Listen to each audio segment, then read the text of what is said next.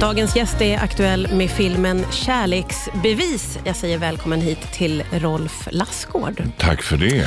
Du, den här filmen handlar om två makar som ska skiljas, eh, men som träffas för att sälja av sitt sommarhus. Och Man har kommit överens om att det ska bli ett civiliserat avslut. Hur, hur, hur blir det med den där saken, skulle du säga? Ja, eh, man kämpar ganska eh, väl med att det ska bli ett civiliserat avslut. Men alla har sin hemliga agenda. Eh, eh, hustrun i det här fallet, hon vill ju avsluta det här så fort som möjligt. Men, men mannen har en annan agenda. Sen finns det en tredje person också som, som, som kommer in och eh, ställer till det. Och eh, eh, Ja, det, det, det blir en, en, en kamp på nästan liv och död. Ja, det kan man verkligen säga. Vad var det som lockade dig med just den här rollen? Det var väldigt mycket det här att när jag läste det här för första gången, när jag läste ett manus, det är första gången jag, jag liksom kommer nära, alltså det är den så närma biopublikens upplevelse jag kan komma. Och det var just det här att det gick inte att förutse eh, vad som skulle hända. Det är liksom, all, den här filmen smyger sig på en och, och den, den liksom, det är som om väggarna tränger ihop mer och mer ju mer tiden går. Och man, man, man, man kan inte lista ut vad som ska Men hända. det kan man verkligen inte och det i sig är en väldigt häftig filmupplevelse kan jag säga som har fått smygtitta Härligt. faktiskt. Eh, och, och nästan allting utspelar sig ju i eller vid det här sommarhuset och det är väldigt få karaktärer. Hur är det att jobba så? Jo, men det är otroligt spännande. Därför man, man kommer varandra nära. Eh, det var första gången vi jobbade ihop, eh, Livia Millhagen, Hedda Renberg och jag. Och eh, eh, vi gjorde ju också så att eh, vi var också ett väldigt litet team, så vi bodde på ett litet pensionat där med hade någon som lagade mat och skötte om oss. Så att egentligen efter dagens arbets, när, när dagen var slut så var en snabb dusch, lite mat och så sen kunde man börja titta på vad man skulle göra dagen därefter. Va? Ja. Så vi kom ju varandra väldigt nära, vilket gjorde att det, det skapades en väldig tillit mellan oss tre skådespelare som, som vi har nytta av i filmen. Det förstår man ju att det är viktigt, men hur är det att eh, jobba och bo ihop och liksom leva dygnet runt under en längre tid gissar jag då? Ja, men det är häftigt. Jag menar, jag, jag, jag har tvärtom varit liksom, jag har jobbat en, jag har ju aldrig bott i Stockholm, men, men, men har ju gjort en hel del där. Ja. Och då blir man ju lite avundsjuk när alla går hem till sig och själv går man till ett hotellrum Ja. eller en lägenhet och, och, och sitter själv och, och jobbar då. Men, men det, här, det här får man liksom, man får både käka tårtan och ha den kvar. Just det, som att leva i kollektiv lite på något sätt. Och det tyckte du var lite mysigt. Ja, men det är man. det. Det är ju i allra högsta grad ett kollektivt arbete, så det är bara att betjäna det hela tiden. Vi ska fortsätta prata strax. Det är Rolf Lassgård som är här på Rix FM idag. Riks FM. Idag är det Rolf Lassgård som är här och gästar aktuell med filmen Kärleksbevis. Det är Richard Hobert som har regisserat. Hur eh, var det att jobba med honom tyckte du?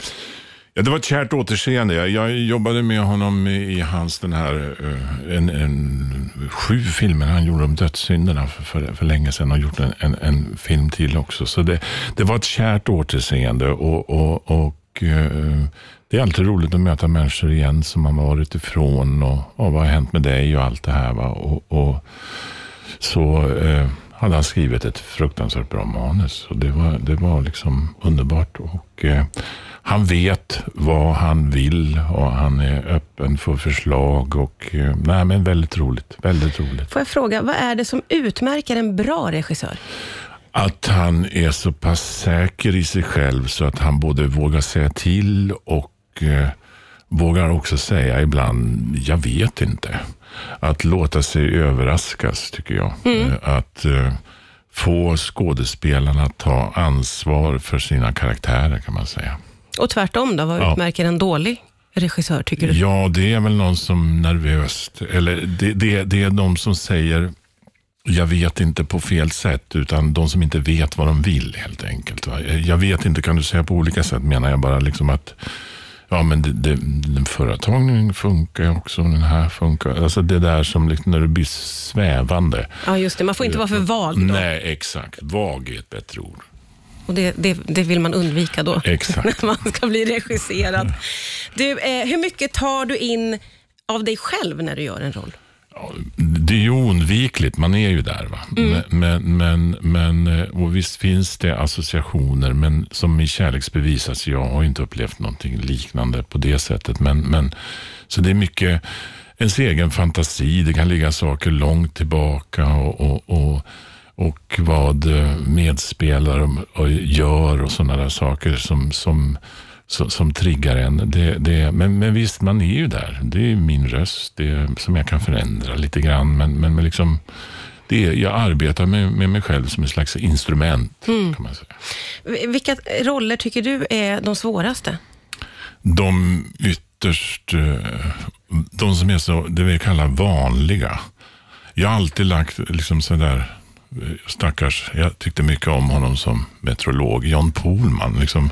Ja. Men, men, men liksom, det finns inget, eh, jag menar, har du alkoholproblem eller liksom är blind eller så har du någonting att ta tag i. Liksom. Ja, det är ja. svårt i sig, va? Men, men, men bara vanligt, Ja. det är riktigt svårt.